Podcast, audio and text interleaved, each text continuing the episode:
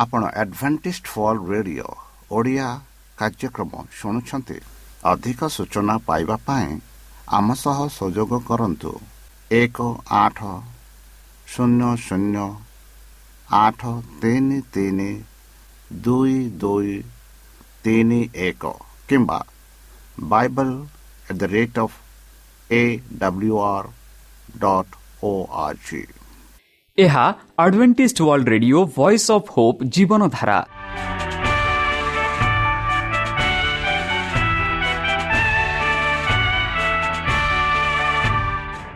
Odia radio କାର୍ଯ୍ୟକ୍ରମ ଯାହା ଆମର ଆନ୍ତର୍ଜାତୀୟ ଆଘାତ କେନ୍ଦ୍ରରୁ ପ୍ରସାରଣ କରାଯାଉଛି ପ୍ରତିଦିନ ରାତି ନଅଟା ତିରିଶ ମିନିଟ୍ରେ। ମୁଁ ସୁବ୍ରତ କୁମାର ପତି ପ୍ରେମର ସହ ଆପଣମାନଙ୍କୁ ଏହି କାର୍ଯ୍ୟକ୍ରମକୁ ସ୍ୱାଗତ କରୁଅଛି। ଚାଲନ୍ତୁ ଆଜିର ତିରିଶ ମିନିଟ୍ର କାର୍ଯ୍ୟକ୍ରମ ବିଷୟରେ ଜାଣିନେବା। ପ୍ରଥମେ ରଖିଛୁ ଆଧ୍ୟାତ୍ମିକ ଭକ୍ତିମୟ ଗୀତ। ଏହାପରେ ଶୁଣିବା ସ୍ୱାସ୍ଥ୍ୟ ବିଷୟରେ ଯାହା ଆମର ଦୈନିକ ଜୀବନରେ ଅତ୍ୟନ୍ତ ଜରୁରୀ। ଆଉ ପରିଶେଷରେ ଶୁଣିବା ପରମେଶ୍ୱରଙ୍କ ଭକ୍ତଙ୍କଠାରୁ ଜୀବନଦାୟକ ଈଶ୍ୱରଙ୍କ ବାକ୍ୟ। ପ୍ରିୟ ଶ୍ରୋତା ତାହେଲେ ଚାଲନ୍ତୁ ଶୁଣିବା ଏକ ଆଧ୍ୟାତ୍ମିକ ଭକ୍ତିମୟ ଗୀତ। ଏହାପରେ ଶୁଣିବା ସ୍ୱାସ୍ଥ୍ୟ ସୂଚନା।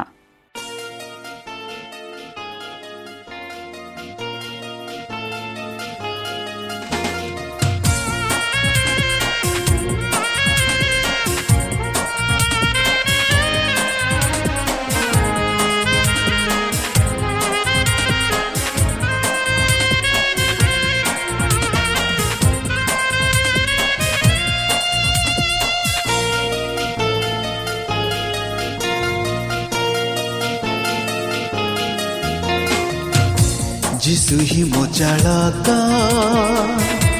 ଅଟନ୍ତି ମୋ ରକ୍ଷକ ଯିଶୁ ହିଁ ମୋ ଚାଳକ ଅଟନ୍ତି ମୋ ରକ୍ଷକ ଚିର ସାଥୀ ହୋଇ ଜୀବନେ ବନ୍ଧୁ ମୋର ଯିଶୁ ହିଁ ମୋ ଚାଳକ ଅଟନ୍ତି ମୋ ରକ୍ଷକ চির সাথী হই জীবনে বন্ধু মোর। চির সাথী হই জীবনে বন্ধু মোর।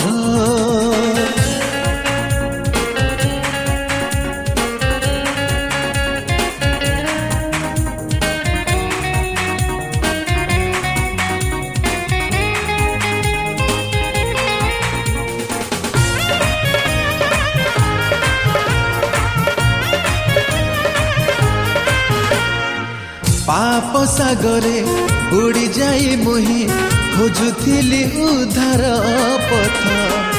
ବନ୍ଧୁ ହୋଇ ଉଦ୍ଧାରିଲ ମତେ କୃଷି ପ୍ରାଣ ଦେଇ ନିଜର। ହଁ ପାପ ସାଗରେ ବୁଡ଼ି ଯାଇ ମୁହିଁ ଖୋଜୁଥିଲି ଉଦ୍ଧାର ପଥ। ବନ୍ଧୁ ହୋଇ ଉଦ୍ଧାରିଲ ମତେ କୃଷି ପ୍ରାଣ ଦେଇ ନିଜର ଅଭୁଲା ପ୍ରେମ ଯେ ତୁମ ଭୋଜୁଥିବି ସାରା ଜୀବନ ଅଭୁଲା ପ୍ରେମ ଯେ ତୁମ ଭୋଜୁଥିବି ସାରା ଜୀବନ ଯିଶୁ ହିଁ ମୋ ଚାଳକ ଅଟନ୍ତି ମୋ ରକ୍ଷକ ଚିର ସାଥୀ ହୋଇ জীবনে বন্ধু মোর চির সাথী হই জীবনে বন্ধু মোর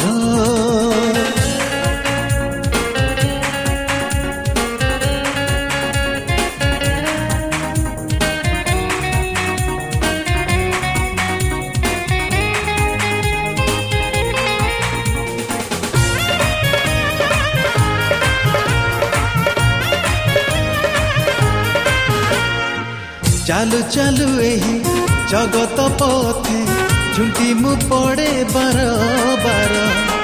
କୋମଳ ହାତରେ ତୋଳି ନିଅ ମତେ ନେବାକୁ ସେ ସରଗ ପୁରା। ହଁ ଚାଲୁ ଚାଲୁ ଏହି ଜଗତ ପଥେ ଝୁଣ୍ଟି ମୁଁ ପଡ଼େ ବାର ବାର। କୋମଳ ହାତରେ ତୋଳି ନିଅ ମତେ ନେବାକୁ ସେ ସରଗ ପୁରା ତୁମେ ଯେବେ ରୁହ ମୋ ସାଥେ ଭୟ ନାହିଁ ଏହି ଜଗତେ ତୁମେ ଯେବେ ରୁହ ମୋ ସାଥେ ଭୟ ନାହିଁ ଏହି ଜଗତେ ଯିଶୁ ହିଁ ମୋ ଚାଳକ ଅଟନ୍ତି ମୋ ରକ୍ଷକ ଯିଶୁ ହିଁ ମୋ ଚାଳକ ଅଟନ୍ତି ମୋ ରକ୍ଷକ ଚିର ସାଥୀ ହୋଇ ଆପଣଙ୍କର ମତାମତ ଜଣାଇବା ପାଇଁ ଆମର ଏହି ଠିକଣାରେ ଯୋଗାଯୋଗ କରନ୍ତୁ। ଆମ ଠିକଣା Adventist Media Centre SDA Mission Compound Salisbury Park Pune ଚାରି ଏକ ଏକ ଶୂନ ତିନି ସାତ ମହାରାଷ୍ଟ୍ର। ବା ଖୋଲନ୍ତୁ ଆମର ୱେବସାଇଟ୍ ଯେକୌଣସି Android phone smartphone desktop laptop କିମ୍ବା ଟ୍ୟାବ୍ଲେଟ୍ ଆମର website W W W dot A W R dot O R G slash O R I ବର୍ତ୍ତମାନ ଚାଲନ୍ତୁ ଶୁଣିବା ଈଶ୍ୱରଙ୍କ ଭକ୍ତଙ୍କଠାରୁ ଈଶ୍ୱରଙ୍କ ଜୀବନଦାୟକ ବାକ୍ୟ। ପ୍ରାର୍ଥନାର ଶକ୍ତି। ନମସ୍କାର ପ୍ରିୟ ଶ୍ରୋତା। ସେହି ସର୍ବଶକ୍ତି ସର୍ବଜ୍ଞାନୀ ପ୍ରେମର ସାଗର ଦୟାମୟ ଅନ୍ତର୍ଜମୀ ଅନୁଗ୍ରହ ପରମ ପିତାଙ୍କ ମଧୁର ନାମରେ ମୁଁ ପାଷ୍ଟ ପୂର୍ଣ୍ଣଚନ୍ଦ୍ର ଆଉ ଥରେ ଆପଣମାନଙ୍କୁ ଏହି କାର୍ଯ୍ୟକ୍ରମରେ ସ୍ୱାଗତ କରୁଅଛି। ସେହି ସର୍ବଶକ୍ତି ପରମେଶ୍ୱର ଆପଣମାନଙ୍କୁ ଆଶୀର୍ବାଦ କରନ୍ତୁ। ଆପଣଙ୍କୁ ସମସ୍ତ ପ୍ରକାର ଦୁଃଖ କଷ୍ଟ ବାଧା କ୍ଲେଶ ଓ ରୋଗରୁ ଦୂରେଇ ରଖନ୍ତୁ। ଶତ୍ରୁ ସୈତାନ ହସ୍ତରୁ ସେ ଆପଣଙ୍କୁ ସୁରକ୍ଷାରେ ରଖନ୍ତୁ। ତାହାଙ୍କ ପ୍ରେମ ତାହାଙ୍କ ସ୍ନେହ ତାହାଙ୍କ କୃପା ତାହାଙ୍କ ଅନୁଗ୍ରହ ସଦାସର୍ବଦା ଆପଣଙ୍କଠାରେ ସହବର୍ତ୍ତୀ ରହ। ପ୍ରିୟସତା ଚାଲନ୍ତୁ। ଆଜି ଆମ୍ଭେମାନେ କିଛି ସମୟ ପବିତ୍ର ଶାସ୍ତ୍ର ବାଇବଲଠୁ ତାହାଙ୍କ ଜୀବନଦାୟକ ବାକ୍ୟ ଧ୍ୟାନ କରିବା। ଆଜିର ଆଲୋଚନା ହେଉଛି ପ୍ରାର୍ଥନାର ଶକ୍ତି। ପ୍ରାର୍ଥନାର ଶକ୍ତି। ପ୍ରଥମ ପିତର ତିନି ବାରରେ ପିତର ଏହିପରି କହନ୍ତି କାରଣ ସଦାପ୍ରଭୁଙ୍କ ଆଖି ଧାର୍ମିକମାନଙ୍କ ଉପରେ ଅଛି। ଏବଂ ତାଙ୍କର କାନ ସେମାନଙ୍କ ପ୍ରାର୍ଥନା ପାଇଁ ଖୋଲା ଅଛି ବନ୍ଧୁ ପୃଥିବୀରେ ଯେତେ ଲୋକ ଅଛନ୍ତି ଆପଣା ଦେବତାକୁ ବା ଆପଣା ପ୍ରଭୁକୁ ପ୍ରାର୍ଥନା କରନ୍ତି ପ୍ରାର୍ଥନା ହେଉଛି ଏକ ଶକ୍ତି ପ୍ରାର୍ଥନା ଦ୍ୱାରା ଆମେ ପ୍ରଭୁଙ୍କୁ ପ୍ରାର୍ଥନା ଦ୍ୱାରା ଆପଣା ଦେବଦେବତୀକୁ ଜଣାଇଥାଉ କି ଆମର ଅଭାବ କ'ଣ? ଆମର ଆବଶ୍ୟକ କ'ଣ? ଆମର ସ୍ୱାସ୍ଥ୍ୟ ବିଷୟରେ ଆମ ପରିବାର ବିଷୟରେ ସବୁ ବିଷୟରେ ଆମେ ପରମେଶ୍ୱରଙ୍କଠାରେ ପ୍ରାର୍ଥନା କରିଥାଉ। ବନ୍ଧୁ ଖ୍ରୀଷ୍ଟିଆନ ବୁଦ୍ଧିକୁ ବଜାଇ ରଖିବା ପାଇଁ ଏକ ସୁସ୍ଥ ପ୍ରାର୍ଥନା ଜୀବନ ଯେମିତିକି ଆବଶ୍ୟକ ସେତିକି ଆମର ଶାରୀରିକ ଅସ୍ତିତ୍ୱକୁ ବଜାଇ ରଖିବା ପାଇଁ ଶ୍ୱାସକ୍ରିୟା ମଧ୍ୟ ଆବଶ୍ୟକ। ପ୍ରାର୍ଥନା ହେଉଛି ଆତ୍ମାର ନିଶ୍ୱାସ।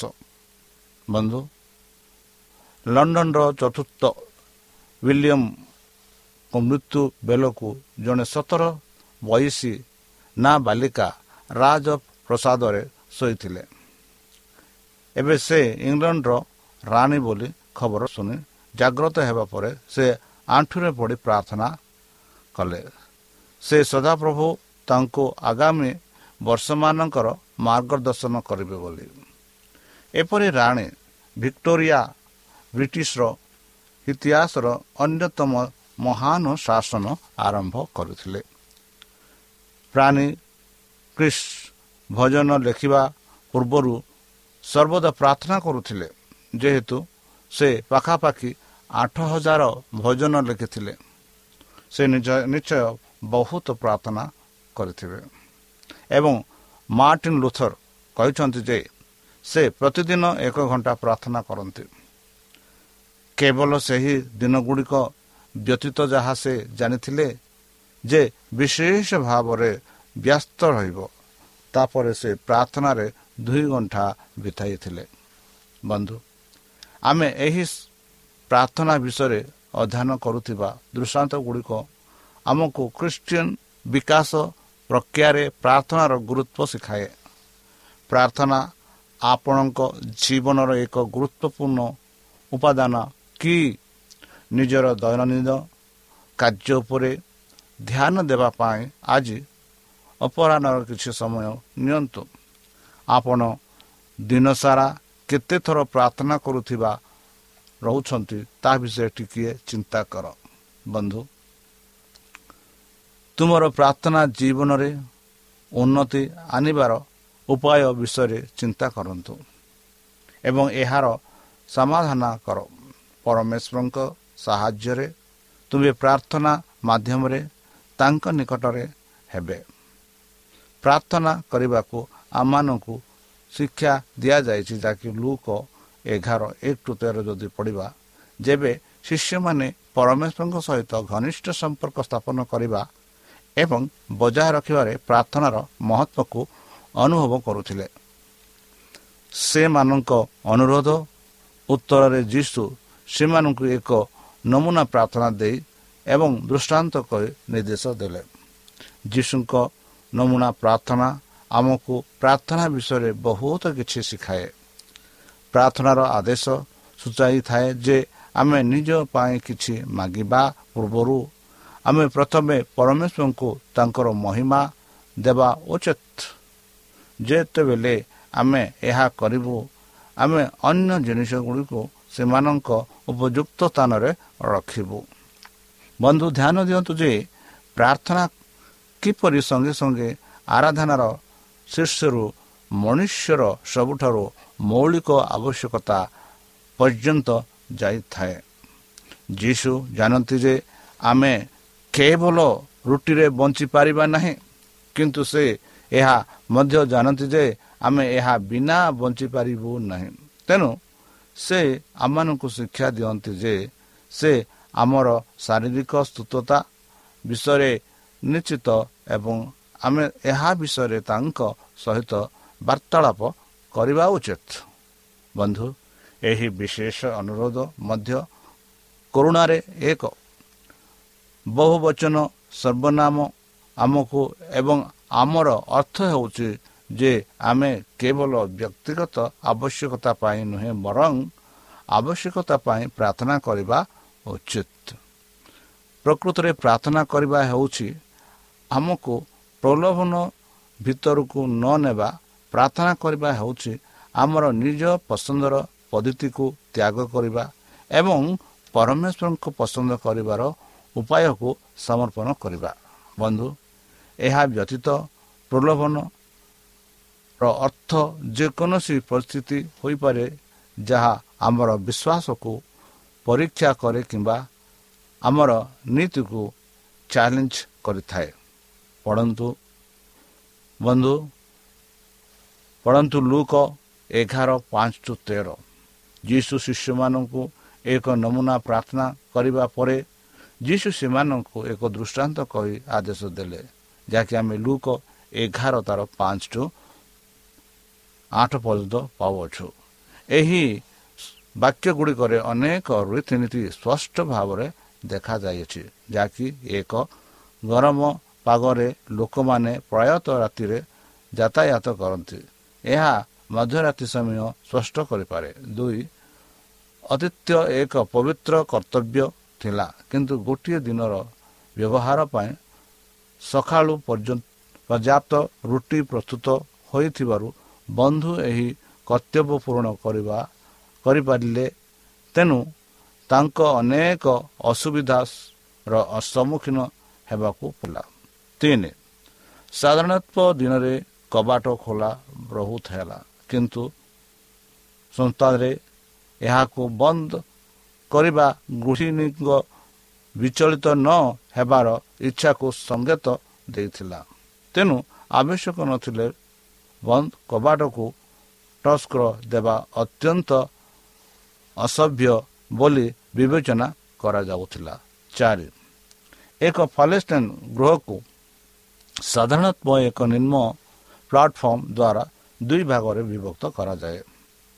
ଯାହା ପ୍ରାୟ ଏକ ତୃତୀୟାଂଶ ମହଲା ସ୍ଥାନକୁ ନେଇ ଗଠିତ ଥିଲା। ପ୍ଲାଟଫର୍ମରେ ଏକ କୋଇଲା ଚୁଲା ଥିଲା ଯାହା ଚାରି ପାଖରେ ପୁରା ପରିବାର ମାଟି ଉପରେ ଶୋଇଥିଲେ। ଯଦି ଜଣେ ବ୍ୟକ୍ତି ଉଠିବେ ତେବେ ଅନ୍ୟମାନେ ବିଚଳିତ ହେବାର ସମ୍ଭାବନା ଥିଲା। ତେଣୁ ବନ୍ଧୁ ଅନୁଭବ କଲେ ଯେ ସେ ଉଠିପାରିବେ ନାହିଁ। ଖ୍ରୀଷ୍ଟ କହୁନାହାନ୍ତି ଯେ ପରମେଶ୍ୱର ଜଣେ ଯିଏଠାରୁ ଆମକୁ ଆଶୀର୍ବାଦ ଦେବା ଉଚିତ। ବରଂ ସେ ଗୃହିଣୀଙ୍କୁ ଆମର ସ୍ୱର୍ଗୀୟ ପିତାଙ୍କ ସହ ତୁଳନା କରୁଛନ୍ତି। ସେ କହୁଛନ୍ତି ଯଦି ଏହି ଚିଡ଼ ଚିଡ଼ା ବ୍ୟକ୍ତି ଯାହା ଦରକାର ତାହା ଦେବେ ତାହେଲେ ତୁମର ସ୍ୱର୍ଗୀୟ ପିତା ଆଉ କେତେ ଦେବେ ଏହା ଟିକେ ମନରେ ଭାବ। କିନ୍ତୁ ଦୃଷ୍ଟାନ୍ତରେ କେନ୍ଦ୍ରୀୟ ବିଷୟ ବସ୍ତୁ ହେଉଛି ପ୍ରାର୍ଥନାର ଦୃଢ଼ତା। ଏହି ଦୃଷ୍ଟାନ୍ତରେ ଆମର ପ୍ରଭୁ କେଉଁ ପ୍ରକାରର ଅନୁରୋଧ ପାଇଁ ପରାମର୍ଶ ଦିଅନ୍ତି? ଯେଉଁ ପ୍ରାର୍ଥନାରେ ଉଦ୍ଦେଶ୍ୟ ହେଉଛି ଆମର ସାଥୀ ଲୋକମାନଙ୍କର ଆଶୀର୍ବାଦ ଏବଂ ତାଙ୍କ ରାଜ୍ୟର ସମ୍ପ୍ରସାରଣ। ବନ୍ଧୁ ଯେ ଆମେ ଯାହା ମାଗିବୁ ପରମେଶ୍ୱର ଆମକୁ ଦେବେ। କିନ୍ତୁ ଯେତେବେଳେ ଆମେ ପବିତ୍ର ଆତ୍ମାକୁ ଆମ ହୃଦୟରେ ରହିବାକୁ ଏବଂ ଆମର ଜୀବନକୁ ପରିବର୍ତ୍ତନ କରିବା ପାଇଁ ଅନୁରୋଧ କରୁ ପରମେଶ୍ୱର ଆମକୁ ମନା କରିବେ ନାହିଁ। ଯେହେତୁ ପବିତ୍ର ଆତ୍ମା ଆମ ଜୀବନକୁ ପ୍ରଭାବିତ କରନ୍ତି। ପରମେଶ୍ୱରଙ୍କ ଇଚ୍ଛା ଆମର ଇଚ୍ଛାରେ ପରିଣତ ହୁଏ। ଯେତେବେଳେ ଏହା ଘଟିବ ଆମର ଅନୁରୋଧ ଆମ ଜୀବନ ପାଇଁ ପରମେଶ୍ୱରଙ୍କ ଇଚ୍ଛା ସହିତ ସମାନ ହେବ। ବନ୍ଧୁ ମେସପେଟମିଆ ଅଦାଲତ କୋଠରୀର ଏର ଏହି ବର୍ଣ୍ଣନା ଆମକୁ ଦୃଷ୍ଟାନ୍ତକୁ ଆହୁରି ଭଲ ଭାବରେ ଦୃଶ୍ୟମାନ କରିବାରେ ସାହାଯ୍ୟ କରେ। ପରବର୍ତ୍ତୀ ମୁଣ୍ଡରେ ସାମାନ୍ୟ ଉଚ୍ଚ ମଞ୍ଚରେ କାଦିବା ବିଚାରପତି ବସିଥିଲେ। ଅଧା କୁସନରେ ପୋତି ହୋଇ ରହିଥିଲେ। ତାଙ୍କୁ ଘେରାଉ କରି ବିଭିନ୍ନ ସବିବ ଓ ଅନ୍ୟାନ୍ୟ ଉଲ୍ଲେଖନୀୟ ବ୍ୟକ୍ତିଙ୍କୁ ଭେଟିଥିଲେ। ବାକି ହଲ୍ ଭିତରକୁ ଜନସାଧାରଣ ଭିଡ଼ ଜମାଇଥିଲେ। ଏକା ସାଙ୍ଗରେ ଏକ ଡଜନ ସ୍ୱର ଶୁଣିବାକୁ ମିଳୁଥିଲା। ପ୍ରତ୍ୟେକ ଦାବି କରୁଥିଲେ ଯେ ତାଙ୍କର ଉଦ୍ଦେଶ୍ୟ ପ୍ରଥମେ ଶୁଣିବା ଉଚିତ। ଅଧିକ ବୁଦ୍ଧିମାନ ଆବାଦନକାରୀମାନେ ମଇଦାନକୁ ଆସିନଥିଲେ ବରଂ ସଚିବମାନଙ୍କ ସହ ଯୋଗାଯୋଗ କରି ଲାଞ୍ଚ ଲାଞ୍ଚ ଦେଇଥିଲେ ବୋଲି କହୁଥିଲେ କାହା ହାତରେ ଦେଇଥିଲେ? ଯେତେବେଳେ ଅଣ୍ଡରିଙ୍ଗର ଲୋଭ ସନ୍ତୁଷ୍ଟ ହେଉଥିଲା ସେମାନଙ୍କ ମଧ୍ୟରୁ ଜଣେ କାଦିକୁ ଚିତ୍କାର କରୁଥିଲା ଯିଏ ତୁରନ୍ତ ଏଭଳି ଘଟଣାକୁ କହୁଥିଲା। ସାଧାରଣତଃ ଏହା ଗ୍ରହଣ କରାଯାଏ ଯେ ସର୍ବାଧିକ ଲାଞ୍ଚ ଦେଇଥିବା ଆବେଦନକାରୀଙ୍କ ପାଇଁ ରାୟ ଯିବା କିନ୍ତୁ ଏହି ସମୟରେ ଭିଡ଼ର ସଟ୍ରେ ବସିଥିବା ଜଣେ ଗରିବ ମହିଳା ନ୍ୟାୟ ପାଇଁ ଜୋରରେ ଚିତ୍କାର କରି କାର୍ଯ୍ୟରେ ବାଧା ସୃଷ୍ଟି କରୁଥିଲେ। ତାଙ୍କୁ ଚୁପ୍ ରହିବାକୁ କଠୋର ଭାବରେ ଅନୁରୋଧ କରାଯାଉଥିଲା ଏବଂ ନିନ୍ଦା କରି କହିଥିଲେ ଯେ ସେ ପ୍ରତିଦିନ ସେଠାକୁ ଆସନ୍ତି ସେ ଚିତ୍କାର କରି କୁହନ୍ତି ଏବଂ ତେଣୁ ମୁଁ କହିବି ଯେ ପର୍ଯ୍ୟନ୍ତ କାଦି ମୋ କଥା ଶୁଣିବ ନାହିଁ ଏଇ ସେତେ ପର୍ଯ୍ୟନ୍ତ ମୁଁ ଚିତ୍କାର କରି କହୁଥିବି ଯେପରିକି ମୋତେ ନ୍ୟାୟ ମିଳିବ। ଏଭଳି ଦୃଶ୍ୟ ମଧ୍ୟରେ ବିଧବା ଜଣଙ୍କ ଚିତ୍କାର କରୁଥିବା ଶୁଣନ୍ତୁ। ମୋର ଶତ୍ରୁଙ୍କ ବିରୁଦ୍ଧରେ ମୋତେ ନ୍ୟାୟ ଦିଅ ଲୁକ ଅଠର ତିନି ପଢ଼ନ୍ତୁ। କିନ୍ତୁ ଏଭଳି ବ୍ୟବସ୍ଥା ବିରୋଧରେ ତାଙ୍କ ପାଖରେ କ'ଣ ସୁଯୋଗ ଥିଲା? ଏପରିକି ବିଧବାଙ୍କ ପାଇଁ ଗ୍ରୀକ୍ ଶବ୍ଦର ଅର୍ଥ ହେଉଛି ତ୍ୟାଗ କିମ୍ବା ଖାଲି ରହିବା। ବନ୍ଧୁ ସର୍ବଦା ପ୍ରାର୍ଥନା କରନ୍ତୁ ଏବଂ ହାର ମାନିବେ ନାହିଁ। ଅର୍ଥ ହେଉଛି ଯେ ଯେତେବେଳେ ଆବଶ୍ୟକ ହୁଏ ସେତେବେଳେ ଆମେ ସର୍ବଦା ପ୍ରାର୍ଥନା କରିବାକୁ ତତ୍ପର ହେବା ଉଚିତ। ତାହା ପରମେଶ୍ୱରଙ୍କୁ ପ୍ରଶଂସା କରିବା ଏବଂ ଧନ୍ୟବାଦ ଦେବା ଆବଶ୍ୟକ ହେଉ କିମ୍ବା ବିଶେଷ ସାହାଯ୍ୟ ଏବଂ ମାର୍ଗଦର୍ଶନ ଅନୁରୋଧ କରିବା ଆବଶ୍ୟକ। କିନ୍ତୁ ବେଳେବେଳେ ଆମେ ସମସ୍ତେ ବିଧବାଙ୍କ ପରି ଶକ୍ତିହୀନ ଅନୁଭବ କରିଥାଉ। ତାପରେ ଯେପରି ଗେତ୍ସମାନରେ ଯୀଶୁଙ୍କ ବାରମ୍ବାର ପ୍ରାର୍ଥନା କରୁଥିଲେ ସେହିପରି ଯୀଶୁଙ୍କ ପରି ଆମେ ପ୍ରାର୍ଥନା କରିବାକୁ ପଡ଼ିବ। ପ୍ରମାଣ ପାଇଁ ପ୍ରାର୍ଥନା। ଯୀଶୁ ବୋଧ ହୁଏ ବିଧବା ଏବଂ ଦୁର୍ନୀତିଗ୍ରସ୍ତ ବିଚାରପତିଙ୍କ ଉଦାହରଣକୁ ଆମମାନଙ୍କ ପାଖକୁ ଆଣିଲେ। ଶେଷ ଦିନରେ ଘଟଣା ଘଟିବ। ଗୁଡ଼ିକ ଉପରେ ତାଙ୍କର ଉପଦେଶ ଅନୁସରଣ ଭାବରେ କହିଥିଲେ ସେ କହିଲେ ଯେଉଁଠାରେ ସେ ମିଥ୍ୟା କଥାର ମୁକାବିଲା କରିଥିଲେ ଯାହା ତାଙ୍କ ଅନୁଗାମୀମାନଙ୍କୁ ମଧ୍ୟ ବିଭ୍ରାନ୍ତ କରିପାରେ। ତେଣୁ ବିଧବା ଏବଂ ବିଚାରପତିଙ୍କ ଦୃଷ୍ଟାନ୍ତ ଶେଷ ଦିନର ପରମେଶ୍ୱରଙ୍କର ଲୋକମାନଙ୍କ ଅନୁଭୂତି ଉପରେ ବିଶେଷ ଭାବରେ ପ୍ରାୟୋଜ୍ୟ। ଯେଉଁ ପ୍ରତାରଣ ସମ୍ମୁଖୀନ ହେବାକୁ ପଡ଼ିବ ଏବଂ ଯେଉଁମାନେ କେତେ ନିର୍ଯାତନାର ସମ୍ମୁଖୀନ ହେବେ ତାହା ଆଶାରେ। ବନ୍ଧୁ ତେଣୁ ବିଧବା ତାର ଶତ୍ରୁଙ୍କ ବିରୁଦ୍ଧରେ ନ୍ୟାୟ ପାଇଁ କରିଥିବା ନିବେଦନ ଯାହା ଆମେ ଲୁକ ଅଠର ତିନିରେ ପାଉଅଛୁ ପ୍ରମାଣ ପାଇଁ ଆମ ପ୍ରାର୍ଥନା ପାଲଟିଯାଏ। ପ୍ରଥମ ପିତର ପାଞ୍ଚ ଆଠରେ ଆମେ ଦେଖୁଛୁ ତାର ମୂଳ ଭାଷାର ଶତ୍ରୁ ସୟତାନ ସହିତ ପରିଚିତ। ଶତ୍ରୁ ପକ୍ଷଙ୍କ ପାଇଁ ସମାନ ବାକ୍ୟ ଯାହାକି ଲୁକ ଅଠର ତିନିରେ ବ୍ୟବହୃତ ହୋଇଅଛି। ଏହି ବିଚାରପତି ଯେତେ ଖରାପ ଦେଖାଯାଉଛି ଯାଉଛନ୍ତି ମୁକ୍ତିଦାତାଙ୍କ ସ୍ୱର ଆମକୁ ସେତିକି ଅଧିକ କହୁଛି। ମଣିଷମାନେ ସର୍ବଦା ପ୍ରାର୍ଥନା କରିବା ଉଚିତ। ଅତେଜ ହେବା ଉଚିତ ନୁହେଁ ବୋଲି ଆମେ ଦେଖୁଅଛୁ ବନ୍ଧୁ। ଅନେକ ସମୟରେ ଆମକୁ ଲାଗୁଛି ଯେ ଈଶ୍ୱର ଆମ ପ୍ରାର୍ଥନାର ତାଙ୍କର ଉତ୍ତର ଦେବାର ବିଳମ୍ବ କରନ୍ତି। କିନ୍ତୁ ଯେତେବେଳେ ବି ସେ ପ୍ରକୃତରେ ଶୀଘ୍ର କାର୍ଯ୍ୟ କରନ୍ତି ବା କରୁଛନ୍ତି ସେହି ଶକ୍ତି ଗୁଡ଼ିକ କାର୍ଯ୍ୟକ୍ଷମ କରୁଛନ୍ତି ଯେଉଁମାନେ ନିର୍ବାଚିତ ପାଇଁ ତାଙ୍କର ଭଲ ଇଚ୍ଛା ପୂରଣ କରିବେ ଏବଂ ଫଳାଫଳ ସ୍ପଷ୍ଟ ହେବା ପୂର୍ବରୁ ଏହି ଶକ୍ତି ଗୁଡ଼ିକ କାର୍ଯ୍ୟକ୍ଷମ ହୋଇପାରେ। ଏହା ବ୍ୟତୀତ ପରମେଶ୍ୱର ବେଳେବେଳେ ତାଙ୍କ ନିର୍ଯାତିତକୁ କ୍ଷମା କରିବାରେ ବିଳମ୍ବ କରିପାରନ୍ତି। ଯାହାଦ୍ୱାରା ଯେଉଁମାନେ ସେମାନଙ୍କୁ ନିର୍ଯାତନା ଦେଉଛନ୍ତି ସେମାନଙ୍କୁ ଅନୁତାପ କରିବା ପାଇଁ ସମୟ ଏବଂ ସୁଯୋଗ ମିଳିପାରେ।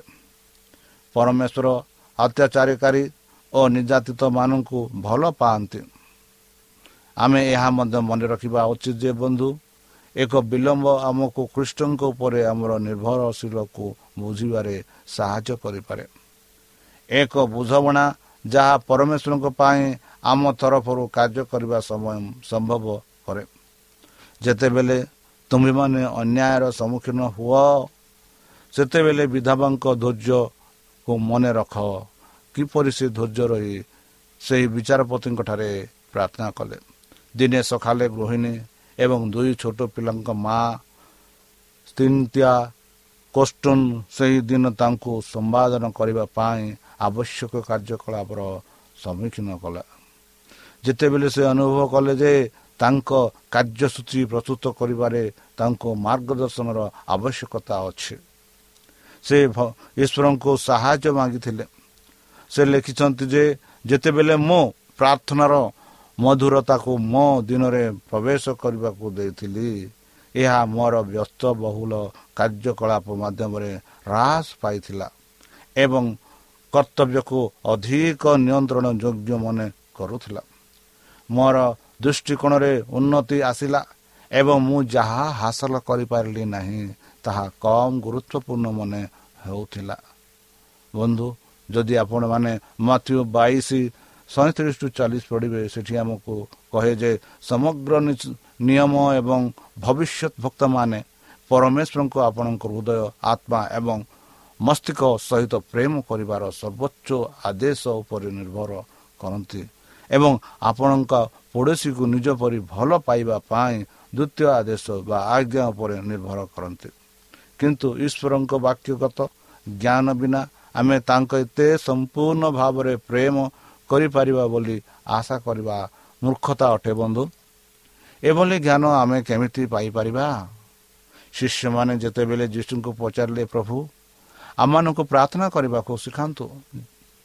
ଏହିପରି ଯୀଶୁ ତାଙ୍କୁ ଶିଷ୍ୟମାନଙ୍କୁ ଏକ ଯୋଜନା ଦେଲେ ଯାହା ମାଧ୍ୟମରେ ସେମାନେ ପରମେଶ୍ୱରଙ୍କୁ ପ୍ରେମ କରିପାରିବେ ଏବଂ ସେମାନଙ୍କ ସାଥୀମାନଙ୍କ ପ୍ରତି ତାଙ୍କର ପ୍ରେମର ଅତିବ୍ୟକ୍ତି ହୋଇପାରିବେ। ଶିଷ୍ୟତ୍ୱ ପାଇଁ ଯୀଶୁଙ୍କ ପଦ୍ଧତି ଥିଲା ପୁରୁଷ ଏବଂ ମହିଳାମାନଙ୍କୁ ପ୍ରାର୍ଥନା କରିବା ଶିଖାଇବା। ପ୍ରାର୍ଥନା ସେମାନଙ୍କ ପିତାଙ୍କ ସହ ଏକ ସ୍ନେହପୂର୍ଣ୍ଣ ଅନ୍ତରଙ୍କ ସମ୍ପର୍କରେ ପରିଣତ କରିବା। ବନ୍ଧୁ ଚାଲନ୍ତୁ। ସେହି ସଦାପ୍ରଭୁ ପରମେଶ୍ୱର ଯିଏକି ଆମର ପିତା ଆମର ପ୍ରଭୁ ଆମର ସବୁକିଛି ତାଙ୍କଠାରେ ଆମେ ସମର୍ପଣ କରି ତାହାଙ୍କ ମଧ୍ୟରୁ ଆମେ ଆମେ ପ୍ରାର୍ଥନା ଉତ୍ସର୍ଗ କରିବା। ହେ ଆମ୍ଭମାନଙ୍କ ସର୍ଗଶକ୍ତି ପରମ ପିତା ଧନ୍ୟବାଦ ଅର୍ପଣ କରୁଛୁ। ପ୍ରଭୁ ବର୍ତ୍ତମାନ ଯେଉଁ ବାକ୍ୟ ତୁମ ଭକ୍ତମାନଙ୍କୁ ଶୁଣାଇଲେ ପ୍ରାର୍ଥନା ବିଷୟରେ ଆମ ପ୍ରାର୍ଥନା ଶୁଣ ଆମ ପାପ ସବୁ କ୍ଷମା କର ସବୁଥିରେ ସାହାଯ୍ୟ କର ଶତ୍ରୁ ସୈତାନ ହତରୁ ଆମମାନଙ୍କୁ ଦୂରେଇ ରଖ।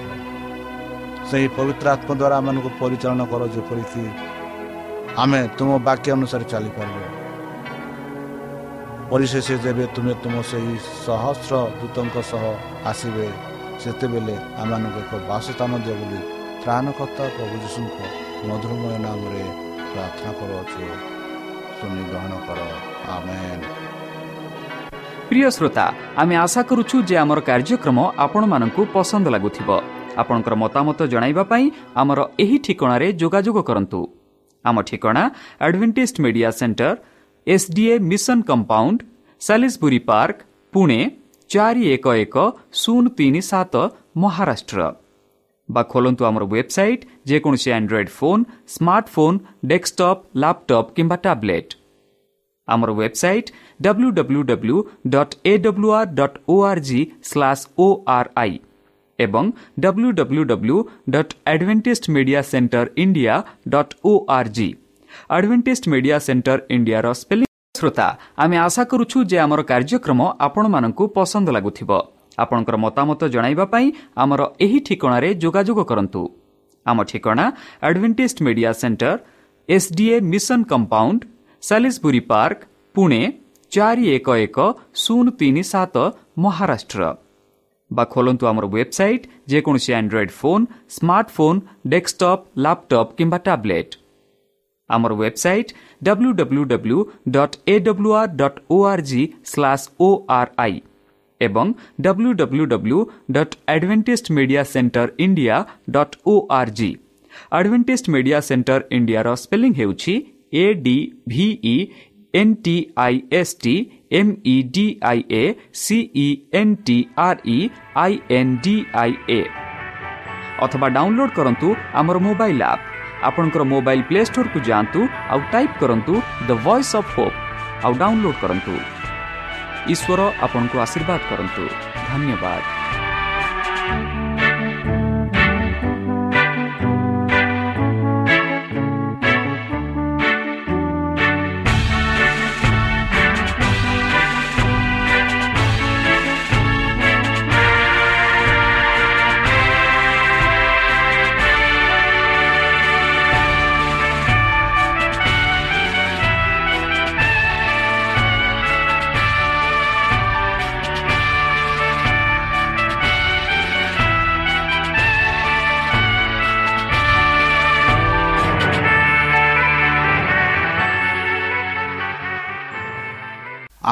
ଆପଣ ଆଡଭେଣ୍ଟିସ୍ଡ ଫଲ୍ ରେଡିଓ ଓଡ଼ିଆ କାର୍ଯ୍ୟକ୍ରମ ଶୁଣୁଛନ୍ତି ଅଧିକ ସୂଚନା ପାଇବା ପାଇଁ ଆମ ସହ ସଂଯୋଗ କରନ୍ତୁ ଏକ ଆଠ ଶୂନ୍ୟ ଶୂନ୍ୟ ଆଠ ତିନି ତିନି ଦୁଇ ଦୁଇ ତିନି ଏକ କିମ୍ବା Bible at the rate of A W R dot O R G